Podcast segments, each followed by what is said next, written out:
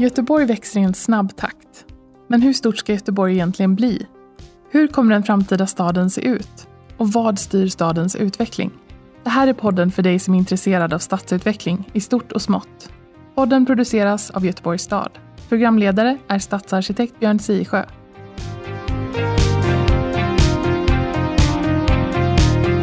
Hjärtligt välkomna ska ni vara till Götepodd och det här avsnittet där vi ska prata om Backaplan. Eller hur? Eh, och då har jag med mig idag eh, Linus och Camilla. Jag tycker att ni ska få presentera er själva. Eh, Linus, om du börjar. Ja, hej, Linus Theorin heter jag. Jobbar som projektchef på Skandia Fastigheter och en av fastighetsägarna på Backaplan. Camilla Lidholm heter jag, huvudprogramledare för Backaplan, eh, också anställd på fastighetskontoret. Huvudprogramledare, vad är det för någonting? Det låter som någonting på radion, eller? Kan man tro. Ja, eh, Backaplan är en del av Älvstadsprojekten i Göteborg, eh, där man har tillsatt huvudprogramledare som ska hålla samman hela projektet. Så en sam sammanhållande roll för allt som händer. Och för alla som inte riktigt kan placera Backaplan så är ju Backaplan det är ju det här externhandelsområdet med, eh, med där tills för ganska nyligen så hade vi ett, ett jättestort Coop Forum i den gamla kassaskåpsfabriken eh, och mycket markparkering och mycket som, som man kallar big box handel. Men nu ska det bli något annat. Vad, vad är det det ska bli egentligen då? Linus, har du? Eh, ja, Först eh, kan jag väl rätta och säga att Stora Coop finns ju där det har legat alltid fortfarande. Men eh, du kanske menar att det flyttar snart? Ja, det kanske inte har flyttat ja, än. Jag, det, jag får erkänna att jag trodde att det hade flyttat faktiskt. Ja, nej. Mm. Men eh, det är som du säger, det är ett externt eh, handelsområde. Så att och det ska ju bli något helt annat. Vi ska ju bygga en ny stad, ny innerstad och en blandstad med alla funktioner som en stad ska ha. Man ska kunna bo där och arbeta där och leva sitt liv där. Just det. Det är ganska galet egentligen att vi har ett extern handelsområde 2,5 kilometer från Brunnsparken. Eh, och Göteborgs absoluta centrum. Det kan inte vara många städer i Göteborgs storlek som har det på det viset. Vad säger du Camilla? Nej, men eh, vid den tiden så var det ju kanske inte så centralt som vi upplever det nu. Göteborg har ju växt väldigt mycket och vi behöver växa över älven. Vi har ju en, älven som en barriär, som är en utmaning att bygga över. Men nu är Göteborg så stort så att vi kan länka samman de sidorna. Och då får ju Backaplan en helt annan... Eh, det hamnar i en helt annan kontext. Det blir ju en del av innerstaden. Det blir en del av innerstaden, ja. Och, och det är ju, då får man ju tänka på ett helt annat vis, eller hur? Då får man tänka, ja, för, för 100-150 år sedan så byggde vi ganska mycket innerstad i Göteborg, Vasastan och, och allt vad det var. Det finns ju också de Som inte var innerstad då. Det är ju den som är utmaningen. Vi måste ju tänka hur vi växer. Ja. Vi måste ju, när man byggde Nedre Johanneberg eller Vasastan, mm då byggde man som att det var innerstad, men det var ju åkrar bredvid. Just det. Och Avenyn, vår paradgata som vi nu ska, ska göra en tävling om att göra om, den var ju ett radhusområde för, för, för välbärgade en gång i tiden utanför stan. Så att det är precis som du säger att perspektiven ändras ju hela tiden. Och nu ska vi sätta full fart och göra av de här big box-affärerna och gamla trötta asfaltfälten så ska vi göra innerstaden. Men, men eh, Linus, vad är innerstad för dig? Vad, vad betyder det då? Det kan betyda flera olika saker. Om, om jag tänker innerstad i Göteborg så tänker jag kanske mycket innanför vallgraven med de här lite kanske trängre gatorna. 8-9 meter och 3-4 våningar höga, hög bebyggelse runt omkring. Och den typen av innerstad kommer det inte bli, utan det kommer ju bli lite, vad ska man säga, lite rymligare i gaturummet och lite plats för att vi planerar in funktioner eh, redan från början och inte vänta tills det blir så att säga överbefolkat. Så att visst, det blir, det blir högt och det blir tätt, men det blir också ganska rymligt mellan husen. Just det, rymligt mellan husen. Och vad, vad, betyder det? det? det? betyder väl grönska egentligen, att, att vi har rätt mycket parker och sånt, eller hur? I detta området. för det är, ju, det är ju något sånt där lite, kan man säga, det finns en motsägelse i det här. För de här platserna där vi bygger är ju lös lera, ofta förorenat, väldigt dyrt att bygga. Så varför bygger vi just här och inte någon annanstans? Camilla, kan du svara på det? Liksom? Ja, men staden har ju en ambition i översiktsplan och i andra styrdokument att växa inifrån. Använda de här ytorna som inte längre är, är attraktiva. Och fastighetsägarna har ju kommit med initiativ och vill utveckla sin mark. Och det måste vi göra tillsammans.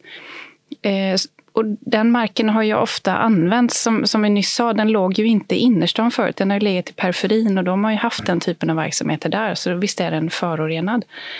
Eh, men i och med att den hamnar i en annan, ett annat sammanhang så vill man utveckla den och då måste vi ju göra det utifrån de utmaningar som finns. Det, det blir kostsamt, men jag tror att det är värt det. Ja, det tror ju faktiskt jag också. Och det är ju en fråga som, som jag är hårt engagerad i också det här med att ska vi kunna göra en stad som, som blir det här som man pratar om nu för tiden, 15 minuter staden säger de i Paris. Och, det vill säga en stad där vi till fots och med cykel kan, kan få ihop ganska mycket av livspusslet i det dagliga, då måste vi nog bygga på de här lite olämpliga... Alltså redan när man, redan när man började planera Göteborg på 1610-talet så visste man att det här var inte ett speciellt lätt ställe att bygga.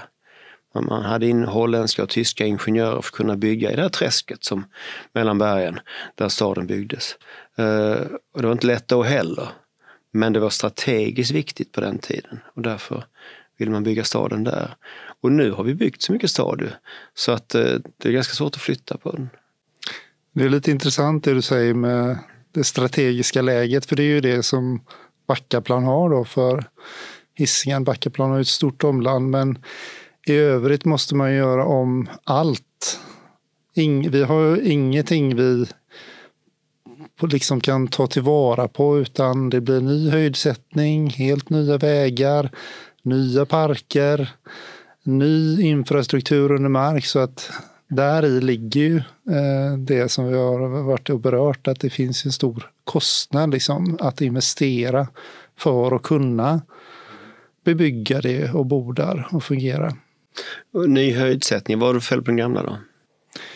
Nu har man ju eh, tagit fram en höjdsättning som dels styr vattnet åt rätt håll för att klara våra miljökvalitetsnormer för eh, ytvatten till exempel, men också som ska klara av att hantera skyfall som vi troligen kommer se mer av i framtiden. Just det, för vi har, vi har ett, ett stort ökat bekymmer med vatten, för det kommer mer vatten. Både utifrån havet, rinnandes över mark och fallandes från himlen. Och förhoppningsvis inte på samma gång, men när det gör det, då måste vi ändå vara beredda på det, eller hur? Eh, så det är ju det är en stor uppgift att bygga för framtiden i ett förändrat klimat. Eh, men hur, hur, hur gör vi egentligen med det? För vi, vi måste ju bygga älvkantsskydd. Och har vi, är, vi, är vi färdiga med det? Har vi, vet vi hur vi ska finansiera det? Är vi liksom... Backaplan berörs ju inte så mycket av älvkantsskyddet utan eh, vår lösning som nästan är det första man gör i Göteborg är ju den här höjdsättningen. Så att vi bygger högstråk och lågstråk och använder parkerna för att få en avrinning mm. mot Kvillebäcken och olika leder. Så att Backaplans problem är att det är för platt. Så det innebär att på sina ställen så höjer man marken flera meter då? Eller? Höj, ja, höjer och sänker på olika sätt så att det rinner åt rätt håll. Så, vi, så att det skapar en, en eh, vi inte skapar platser där det blir för högt vatten och vi inte kan ta oss fram. Men älvkantsskyddet är inte nödvändigt för Nej, att bygga ut Backaplan? Vi, vi har en annan mm. strategisk lösning som vi tror mm. på. Och vad innebär det här för de som ska bygga området sen? Då? Mm. Ja, det innebär ju kort kan man säga rent generellt då att det blir lite ökade kostnader för höjdsättningen för att eh, om du ska höja en halv meter på den här lerbotten som är där, då måste du göra, ta, eh, göra ganska stora åtgärder för att förstärka för att det inte ska få sättningar eller, eller andra saker. Och sen eh, kan man väl säga att den här höjdsättningsmodellen som man har på Backaplan, den lirar ju inte direkt med de eh, höjderna vi behöver ha på entrévåningarna, till exempel på handelskvarteren. Att det blir en del höjdskillnader att ta upp mellan gata och golv. Då. Och vad behöver vi ha för höjd på de golven då? 2,8 meter är ju minsta eh, höjd man ska ha. Över normalvattenståndet? Eh, över, eh, det är väl över no, noll, nollan. Ja, nollan som, är, som egentligen är normalvattennivån i havet. Ja. Mm. Och, och, och hur var det innan då? Hur var det tidigare? Ja, nu ligger ju vad ska man säga, stora delar av det här området ligger ju betydligt lägre. Kanske ligger på någonstans mellan en och en halv och två meter.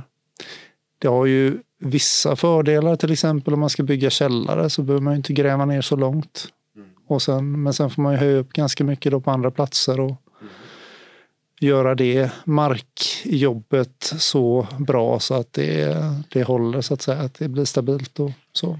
Och jag tänker att även om det kostar så har vi ändå vad vi bedömt ett genomförbart projekt. Där alla är med. Det är inte sådana kostnader så att man inte är med.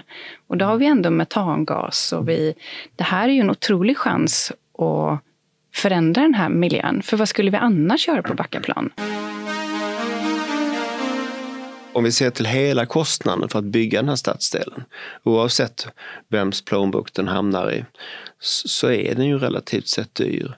Och det är precis på samma sätt som det kanske är eh, i andra stora, större städer som Stockholm och så, att man har, man har höga grundkostnader, man har höga genomförandekostnader. Men jag tänker också att det här är någonting nytt, precis som du var inne på tidigare Linus, att vi jämför de kostnaderna det har varit att bygga med eh, i de lägena där vi har haft infrastruktur som vi kan använda oss av. Vi har haft skolor, vi har haft simhallar, vi har haft eh, gator, vi har haft kul, va kulvertar.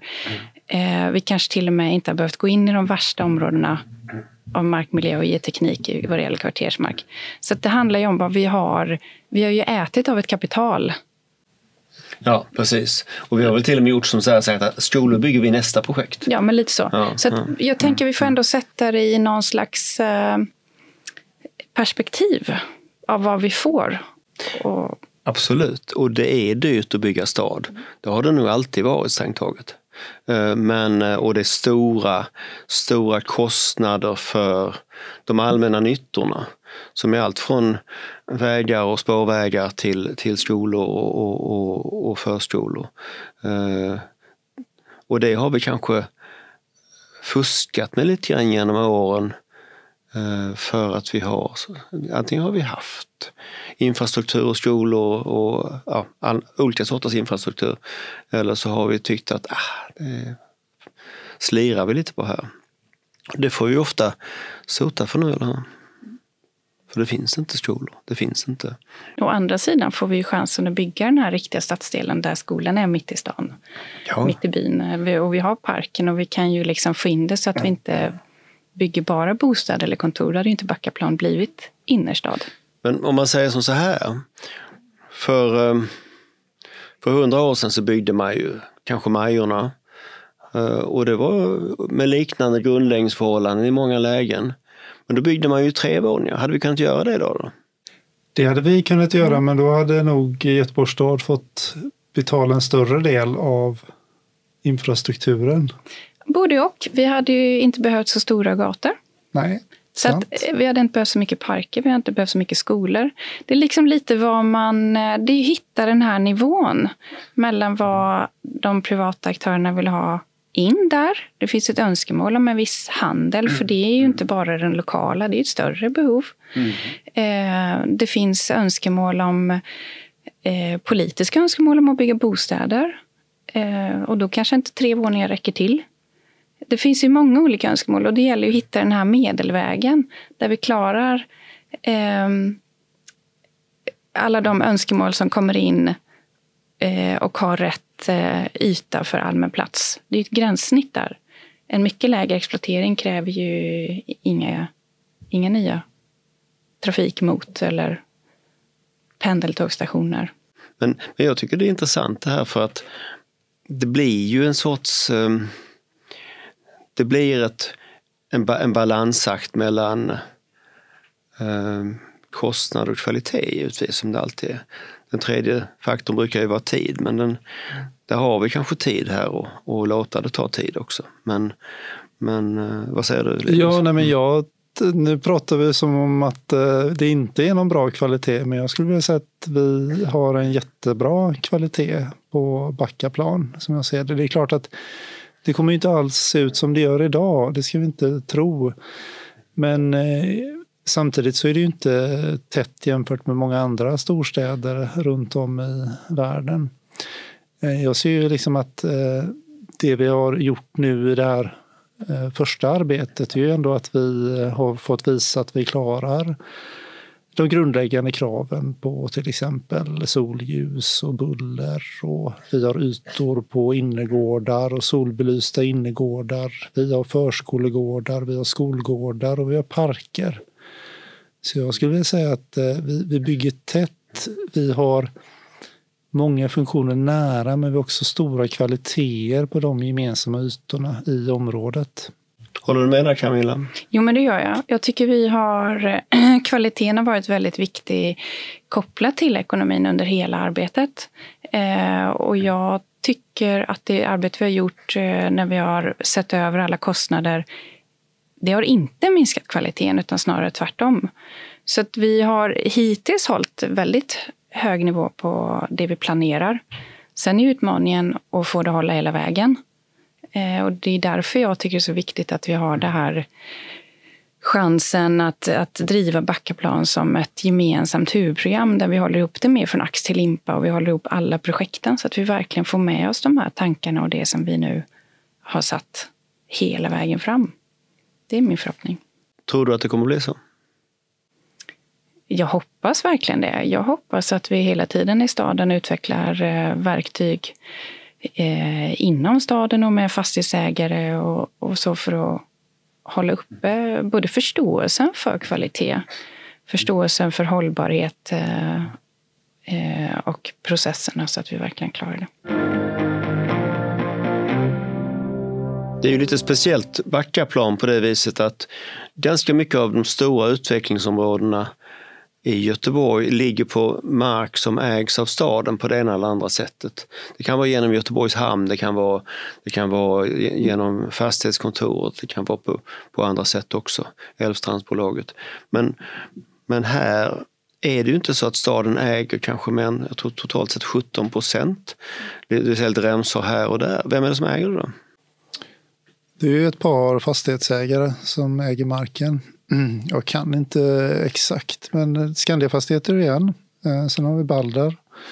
Och sen har vi Riksbyggen, KF, Platser kanske till och med. Ja, men det är ju, Backaplan är ett större område än det som vi kanske tänker på när vi pratar om Backaplan och det som utvecklas nu. Mm. Så vi har ett område ju väster om Kvillebäcken där det är ganska eh, många markägare. Det eh, och det är ju ett område som ligger längre fram i tiden. Men det som vi nu har mycket detaljplaner pågående om så är det de fastighetsägarna som vi nämnde nu. Ja. Och vad skapar det för problem eller kanske möjligheter också att det faktiskt inte är kommunalägd mark från början? Nej, men det är klart att det är lite svårare att få ihop eh, ekonomin när det är stora allmänna investeringar som vi ska göra i allmän platsmark eller skolor om vi måste, när vi inte har tillräckligt med mark för skola. Um, Sen är det också svårt kanske att få igenom alla politiska mål, att, att verkligen garantera en viss andel hyresrätter. Det kan vi göra när vi markanvisar. Eh, eller styra tidsutvecklingen på det vi bygger. Vad är det som är bra med att ha en viss andel hyresrätter? Ja, men det ger ju en variation i upplåtelseformer som vi vet att eh, det är eftertraktat i städer. Att man eh, kan antingen välja att äga eller hyra sin bostad. Både utifrån kanske hur fast man vill vara på en plats, men också utifrån sin ekonomi. Så det finns ju politiska önskemål att det ska finnas den här variationen. Mm. Mm. Och det kan ju vara så att fastighetsägarna också bygger hyresrätter. Mm. Men det blir ju inte ett lika... Eh, det kan ju inte staden garantera. Men Camilla och Linus, ni är involverade i egentligen det största stadsbyggnadsprojektet sedan miljonprogrammets tid på 60-70-talen. Hur känns det liksom? Är det, är det läskigt? Kommer ni, kommer ni att bli uthängda som de som förstörde Göteborg eller vad säger ni? Det är klart att det är ju jätteansvar. Och det är ett jätteansvar att ha koll på så otroligt många frågor som jag ska eh, samordna eh, och bevaka. Det är ju allt från eh, jättestora sammanhängande beroenden till detaljer.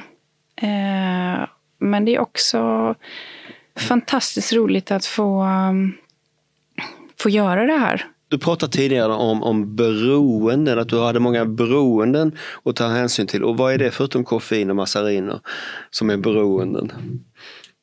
Ja, men, eh, omvärlden rör ju också på sig och planeras och förändras. Eh, och det måste vi ta hänsyn till. Och det kan ju vara infrastrukturprojekt, gator som ändras, angränsande projekt. Vi har ju jättestort projekt Frihamnen alldeles intill. Eh, vi har ju infra, eller trafikleder som är Trafikverket. Eh, vi har... Eh, Trafikverket är ju den statliga myndighet som har, som har hand om våra nationella vägar. Mm. Mm, det. och det är ju många beroenden också mellan de olika exploateringsprojekten.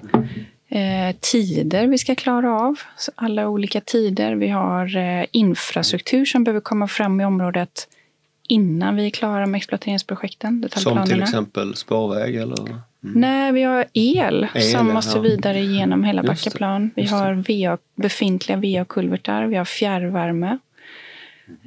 Um, vi har en ny...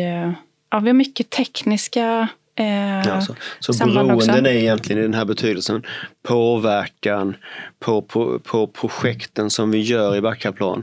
Yttre påverkan genom saker som... Yttre måste... påverkan och också saker som Backaplan påverkar andra. Vi vill också hjälpa till att få den totala stadsutvecklingen framåt mm. på bästa sätt. Mm. Um, så att ja, interna och externa beroenden, uh, det är ju en jätteutmaning vi har. Och jag tänker att vi kan ju bara ge förutsättningar så goda vi kan. Men en helt ny stadsdel kan man ju aldrig skapa en kultur i. Så det, även om det här står klart så kommer det ta många, många år innan den har liksom hittat sin plats i Göteborg. Eh, om det blir en karaktär av Majerna eller, mm. eller Järntorget eller Johanneberg, det vet vi ju inte än. Eh, vi kan ju ge så goda förutsättningar som möjligt av den fysiska miljön. Sen tycker jag att eh man får liksom, man måste ju jobba långsiktigt. Vi måste ju veta, vi måste ju planera nu för det som kanske är klart om 15 år. Mm. Och det är såklart en jätteutmaning. Eh, Skandiafastigheter bygger ju egentligen det som är mixen då med inte bara bostäder utan även kontor och skola, handel, förskolor, service. Och den mixen är ju kanske inte jättelätt att tala om idag hur den kommer se ut om tio år. Vi vet ju att handeln håller på med någon slags ständig förändring och hur ser den ut om 15 år? Vi har ingen aning. Det vet vi om 16 år. Ja. Mm. Men, men plats, varumärke. Du pratar, mm, jag tycker jag skönjer att du pratar om en stadsdel som en vara och du pratar om det som en kultur. Vad är sanningen då? Ja, det känns ju jättekonstigt om jag pratar om, om det som en vara. För det är ju inte, det är mer det här varumärket. Det är, egentligen kan vi ju nu börja liksom fundera på vad är det vi vill att Backaplan ska hur ska det uppfattas under byggtid och när det är klart. Vi, vi håller ju på och känner oss fram på det också. Vi vet inte riktigt. Eh, vi vill ju på något sätt ha en, någon slags identitetsskapande i alla fall. Identitet, ja det är kanske är ett bra ord. Men om, om, vi, om vi tar Camilla och så får du komma sen. Om ni skulle vara, vilja beskriva, hur vill ni att Backaplan ska, ska, ska vara, se ut, upplevas om säg 10-15 år när, när man har städat undan bygget. Uh, det var optimistiskt. Det, nej, okay, om, om, men i alla fall i delar. Ja. I alla fall i delar. Och det är fritt fram att vara patetisk och använda blomsterspråk. Men mm. vad skulle du vilja? Mm. Nej, men eh, min bild eh, och min förhoppning om Backaplan är att det ska upplevas Eh, Eh, med god kvalitet, att det ska hålla. Det ska inte chansera, det ska vara gjort av eh, goda material som håller länge över tid. Det ska kännas eh, snyggt och vackert även om eh, 40 år. Liksom. Eh, så det är viktigt att vi håller god kvalitet i de material vi väljer och att vi gör det med omsorg. Jag vill också att det ska vara eh, ska utformas på ett sätt så att vi kan variera verksamheterna i det. Jag tycker att Stenstaden är ett ganska gott exempel på att klara sig över lång tid med olika eh, eh, handelsmönster och behov i staden. Att man bygger så stabilt som möjligt så att den, det går att förändra. Um, och att det blir en stadsdel som vi har lyckats integrera. För om vi inte lyckas integrera den för gång och cykel och på den mentala kartan, då kommer det aldrig bli en del av vår stad, vår innerstad. Och det tror jag är oerhört viktigt att det gör för att få det här folklivet. Så du Linus? Ja, jag bor ju själv på Hisingen och har ju Backaplan som mitt eh, lokala centrum idag. Eh, och det är klart att det kommer förändras väldigt mycket. Och det, det jag hoppas det är ju att de som är på och rör sig på Backaplan idag ska vara med på den här resan och känna sig hemma. Både under byggtid men också i det, det färdiga området och känna att det här är fortfarande min plats. Och någonstans är väl målet där att man ska kunna känna att man, om man då som jag kommer kommer liksom via eh, Backaplan mot stan, att jag ska kunna stanna på Backaplan och vara nöjd där. Och känna att nu är jag i, mm. i stan. Mm. Men så, så, så strängt taget så vill man försöka bevara något av den känslan som finns där idag. För det, man kan säga att rent fysiskt så är det kanske inte det som vi tycker är det vackraste i hela världen. Det som, det som är på Backaplan just nu. Lite sådana här plåtlådor och, och, och lite... Eh, men, eh, men däremot så, det du sa det är att de människorna som är där idag, att de ska känna sig välkomna i framtiden. Det handlar ju egentligen kanske om en inkluderande stadsdel Tror du vi kommer lyckas med det Camilla? Kan vi komma så långt? Ja, men det hoppas jag. Och jag tror det handlar väldigt mycket om det här över tiden, hur vi gör det när vi liksom bygger om. Så att om man inte sveper undan allt och så är det tomt och så kommer det nya, utan att man försöker hitta nya lokaler för verksamma eller att man kan ändå använda platsen. För det kommer sakta, det kommer ta många år innan det här. Mm. Så att det kommer inte kännas som från en dag till en annan utan man kommer vänja sig in i det här och gör man det på ett snyggt sätt så tror jag absolut att det kan bli en inkluderande övergång. Ja, jag kan väl komplettera att eh, vi ser det också som oerhört viktigt att få det att fungera under tiden. Och det är ju en del av eh, fastighetsägarnas hållbarhetsarbete att, att eh, hålla det levande, jobba med temporära lösningar och eh, inte, inte tappa tappa den attraktiviteten egentligen någon gång under bygget. Sen kommer det bli något annat än vad det är idag och det, det är säkert jättemånga som kommer att ha åsikter och synpunkter av det. Men jag vill ju, jag vill ju ändå mena att vi bygger ju på väldigt många, vi adderar väldigt många kvaliteter till det som finns idag. Mm. Och kvaliteterna idag är framförallt med verksamheten och människorna som, som nyttjar området. För rent fysiskt så har vi inte så många, eller har vi det? Har vi några spår vi vill bevara av, det, av den fysiska verkligheten där ute?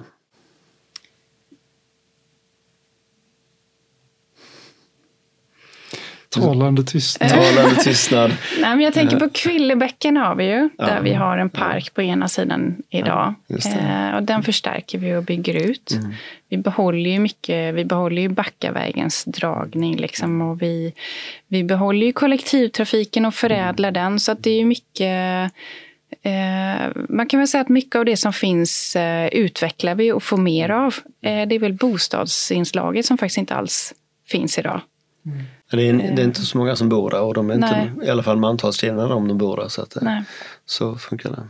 Men, men jag tänker att jag tänker nog också lite grann att det finns ju till exempel där väster om Tvillebäcken och så, så finns det ju ganska ruffiga men ganska trevliga områden nu som har en massa verksamhet och sånt. Så det kanske är så att man, man måste titta lite i längden på vad är det idag de rent fysiska sakerna som vi kan bevara.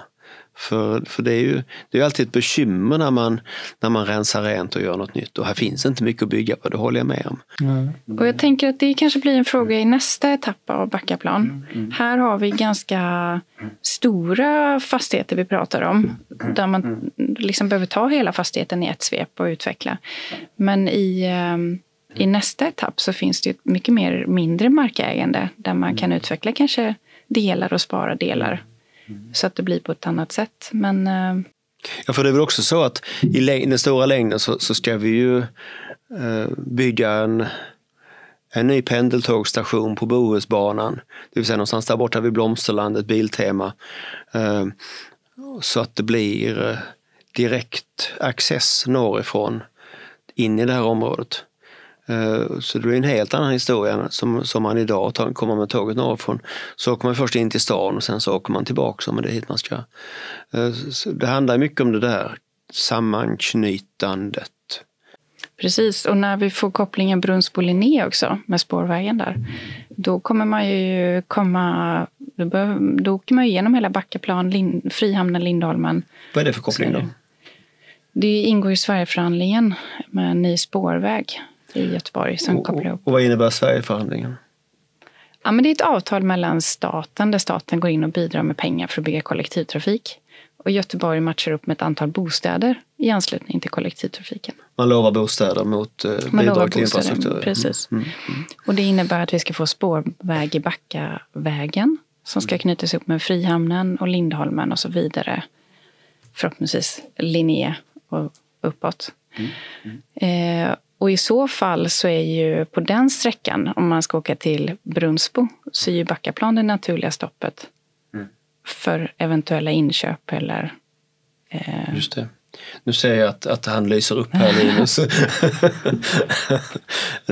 nej, men det är väl klart att eh, handeln kommer ju vara fortsatt viktig. Eh, och det är ju en, en en, ett viktigt inslag om vi tänker innerstad också, att det finns ett utbud. Liksom. Och det handlar inte bara om att vi ska konsumera en massa saker utan det ska vara mötesplatser med restauranger och kaféer och såklart alla då gratis offentliga platser. Mm. Inte minst det stora nya kulturhuset som kommer vara som en juvel i mitten på det här området och den här detaljplanen som nu är ute på samråd. Just det. Och den kommer ju vara, som du säger, väldigt centralt i området och väldigt nåbar med, med spårvagn, både, både den, den nya vi pratar om från Brunnsbo och den som, som går idag. Jag är lite intresserad av, av om det ska bo 20 000 människor i den här stadsdelen när den är färdig, vilket ju kommer ta några decennier. Men, men vad, vad, vad, är, vad är det för sorts folk då? Vad, vad, vad är det? Är det är det som, som det var när man planerade för, för um, Eriksberg så, då skulle det vara folk som flyttade från sin villa. Så man behövde inte bygga så mycket skolor, för det var bara de som skulle flytta dit. Det blev inte så. Eller är det lite tjusigt, eller vad är det för någonting? Vad är det för stadsdel och vilka människor kommer bo här? Jag tänker att det är lite hönan och ägget. Finns det inga skolor kommer inga barnfamiljer. Eh, vi vill ju ge möjligheten för alla att bo här, alla åldrar. Då måste vi också skapa förutsättningar för alla ålderstyper och alla olika typer av skeden i livet. Nu styr ju inte vi exakt hur lägenheterna blir i detaljplaner. Liksom.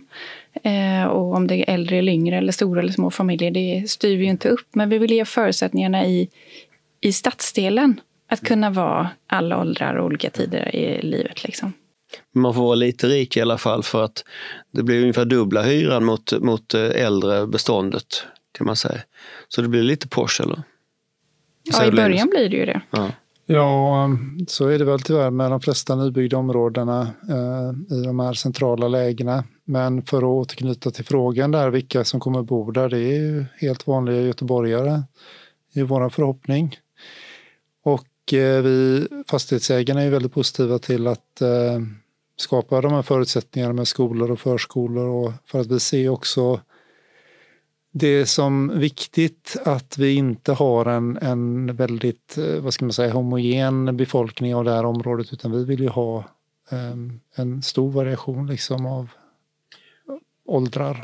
Men kräver inte det också en stor variation av lägenhetsstorlekar och sånt där? För, för det vet jag att ibland när man pratar med er så, så är det lite risk runt just det där att man vill bygga mycket små lägenheter som man gjorde i Kvillebäcken. Mm. Uh, vad, vad, säger du om det? Och det är ju verkligen en eh, diskussion som pågår där med lägenhetsstorlekar och vi vill ju bygga eh, på ett sätt så att vi får uthyrt det vi bygger, att vi får avsättning för det vi bygger. Och eh, det är givetvis eh, en del större lägenheter också. Men det är lite det som vi var inne på förut med, med kostnader och så. att Ska man bygga en nyproducerad femma i ett sånt här läge då konkurrerar den kostnadsmässigt med kanske betydligt större boende lite mer i utkanten av stan. Så att eh, då finns det stor konkurrens. Um, de... Så i det korta perspektivet så är det svårt att bygga stora lägenheter? Ja, det är väl vi kan ju inte bygga lika många stora lägenheter som vi bygger mindre lägenheter om vi pratar ettor, tvåor, treor då, som ändå tillhör då lite mindre lägenheter. Det är ju mer fokus på de storlekarna. Mm. Ja, men det, för det är väl så att, att i det nybyggda området Kvillebäcken på andra sidan bäcken så, så blir det väldigt hög omsättning för det finns inte någon större lägenhet att flytta till slut. Mm. Och det påverkar området negativt, mm. har jag förstått det som. Det, det stämmer absolut och vi vill göra allt vi kan för att inte hamna i den situationen igen. Mm. Utan skapa en möjlighet att bo kvar. Det är jättemånga som måste flytta när de får sitt mm. andra barn. Att det blir liksom mm. max är två vuxna och ett barn, sen är det fullt. Liksom. Eh, och, vi, och man vill bo kvar i sin stadsdel. Det ser vi och det hoppas vi ju verkligen att att åtminstone skaffa lägenhet som kanske fyra rum och kök. Mm. Eh, som kan vara konkurrenskraftiga och som man kan tänka sig att lyckas bo kvar. Jag kan ju bara tala ut från eh, Skandia Fastigheter där vi, vi bygger och vi förvaltar våra fastigheter, eh, långsiktiga ägare. Eh, så vår ambition är ju att bara en spelare i den här stadsutvecklingen som finns. Och det pågår en, en, och har pågått under ganska lång tid en dialog kring eh, lägenhetsstorlekarna och den vet jag kommer fortsätta. Och den, det är en viktig diskussion att ha. Och vi får hitta en, eh, en väg framåt där som eh, är bra för både staden och området och fastighetsägarna. Ja. Men ni, eftersom ni, ni bygger hyresrätter och tänker behålla dem och, och hyra ut dem så, så borde ni vara intresserade av långsiktiga perspektiv. Men även för er blir det ju en sorts konflikt mellan det kortsiktiga eh, toppa pengarna och det långsiktiga, bygga ett område som håller, håller bra över tid. Jo, men visst är det, det är viktigt för oss att vi inte har eh, vakanser till exempel för att ett sånt här projekt är, vi har stora utmaningar att få ihop det ekonomiskt. Eh, när man har de här diskussionerna kring lägenhetsstorlekar och sånt där så dyker det upp en del innovativa idéer och det hade ju varit jättespännande att utforska dem vidare nu när vi när vi går också in i vår nästa fas här, i en programhandling. Man kan ju titta på, på olika lösningar där man har flexibla lägenheter till exempel som kan växa och minska utifrån eh, ett förändrat behov. Så att, eh, och det är flera av fastighetsägarna som, som eh, är verksamma i området. De har nog olika eh, förslag eller idéer som man har provat på andra platser. Så jag tror att vi, den här diskussionen får fortsätta. Sen skulle jag också vilja fråga om man tittar på Backaplan nu eller ännu mer för några år sedan. Där är ju ungefär en miljon bilplatser på marken. Vad ska alla de bilarna ta vägen då? Ja, det är en jättebra fråga. Och de kommer ju kanske inte vara eh, som de är idag på markparkeringar. Det kommer vara betydligt färre parkeringar. För det är så eh, som eh, man arbetar i de här detaljplanerna. Att det är ganska, vad ska man säga, P-talen har, är, minskas ju ju närmre stan man kommer, ju närmare centrum man kommer. Och nu är ju Backaplan införlivad i det man kallar för innerstaden. Vad är P-tal för någonting? Det är parkeringstal, det är till exempel hur många parkeringar du ska bygga per lägenhet eller per tusen kvadratmeter handel eller per tusen kvadratmeter kontor. Det som vi tvingar er att göra från stadens sida? Ja, fast när det gäller handel så är det kanske så att man om man idag har en handel som har väldigt många parkeringar och ska gå till eh, en, en utveckling där man har betydligt färre parkeringar, då blir man ju kanske lite fundersam från handelns sida om det räcker detta verkligen. Så det är en liten utmaning för oss. Vad det gäller handel så vill ni egentligen bygga fler parkeringar och vad det gäller bostäder så vill ni bygga färre parkeringar. Är det så det funkar? Nej, så det är inte så, så enkelt är det inte. Men vi, kan, vi, vi är ju smartare nu när vi planerar. Vi planerar för mycket mer samutnyttjande och analyserar kanske mycket mer kring hur parkering fungerar verkligen för att inte bygga för mycket. Vi vill absolut inte bygga för mycket parkeringar. Det, det kostar jättemycket Det kostar jättemycket och särskilt i de här lägena där vi behöver gräva ner parkering i garage. Det är oerhörda kostnader. Det har ni ju sett i andra delar av stan. Det kostar väl ungefär som en etta med kök och, och bygga en parkering ibland när det är riktigt dåliga förhållanden. Ja, kanske ingen jättestor etta men absolut i eh, det härandet. Jag tänker det är också ett beroende i det här som vi pratade om alldeles nyligen. Att ju fler bilar vi ger möjlighet för att finnas i Backaplan, desto mer trafik alstrar vi på de här lederna då, som Lundbyleden. Vilket gör att vi inte får igenom projekten för att det blir fullt på eh, Lundbyleden. Den klarar inte mer trafik. Så att allt vi bygger alstrar ju trafik i hela staden. Eh, så att för att få igenom projekten så måste ju kommunen också ta hänsyn till det. Så att det, det, är inte, det är inte bara bad guys av ett... Eh, Nej. För att vara elak, utan det är ju för att lösa den här totala trafiksituationen i staden som alla måste minska. För nu, nu räcker det inte mm. till. Liksom. Det blir... För egentligen är det väl så då att ska man bygga, bygga mer stad för fler göteborgare med nuvarande bilanvändningar, då måste man bygga fler gårdsten och, och, och, den typen av, av områden långt, långt utanför stan. För att annars får vi, som, som du säger, inte plats. Uh, Nej, och även om vi bygger utanför stan så kommer de åka bil in. Och då blir det lika trångt för det. Så det, det, vi måste bara åka mindre bil tyvärr, om vi ska få plats. Ja, men så blir det. Mm. Ja, och vi som är med och utvecklar Backeplan, vi, vi vet ju detta. Och vi, eh, vi det är ju en del av, av det här projektet så att det, vi hanterar ju de frågorna också. Och vi, vi behöver vara en del av den omställningen som, som sker i centrala stan. Så att vi är positiva. Men visst är det så att en cyklist nästan handlar lika mycket som en bilist har jag sett? För man handlar oftare och man får, får med sig rätt mycket ändå.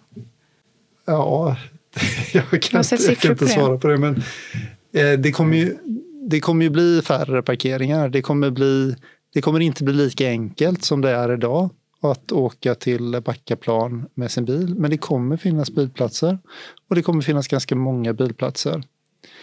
Eh, men eh, det blir en förändring och vi, vi tror ju att den här förändringen är nödvändig också för att för den här, vad ska man säga, den här samhällsutvecklingen vi står inför.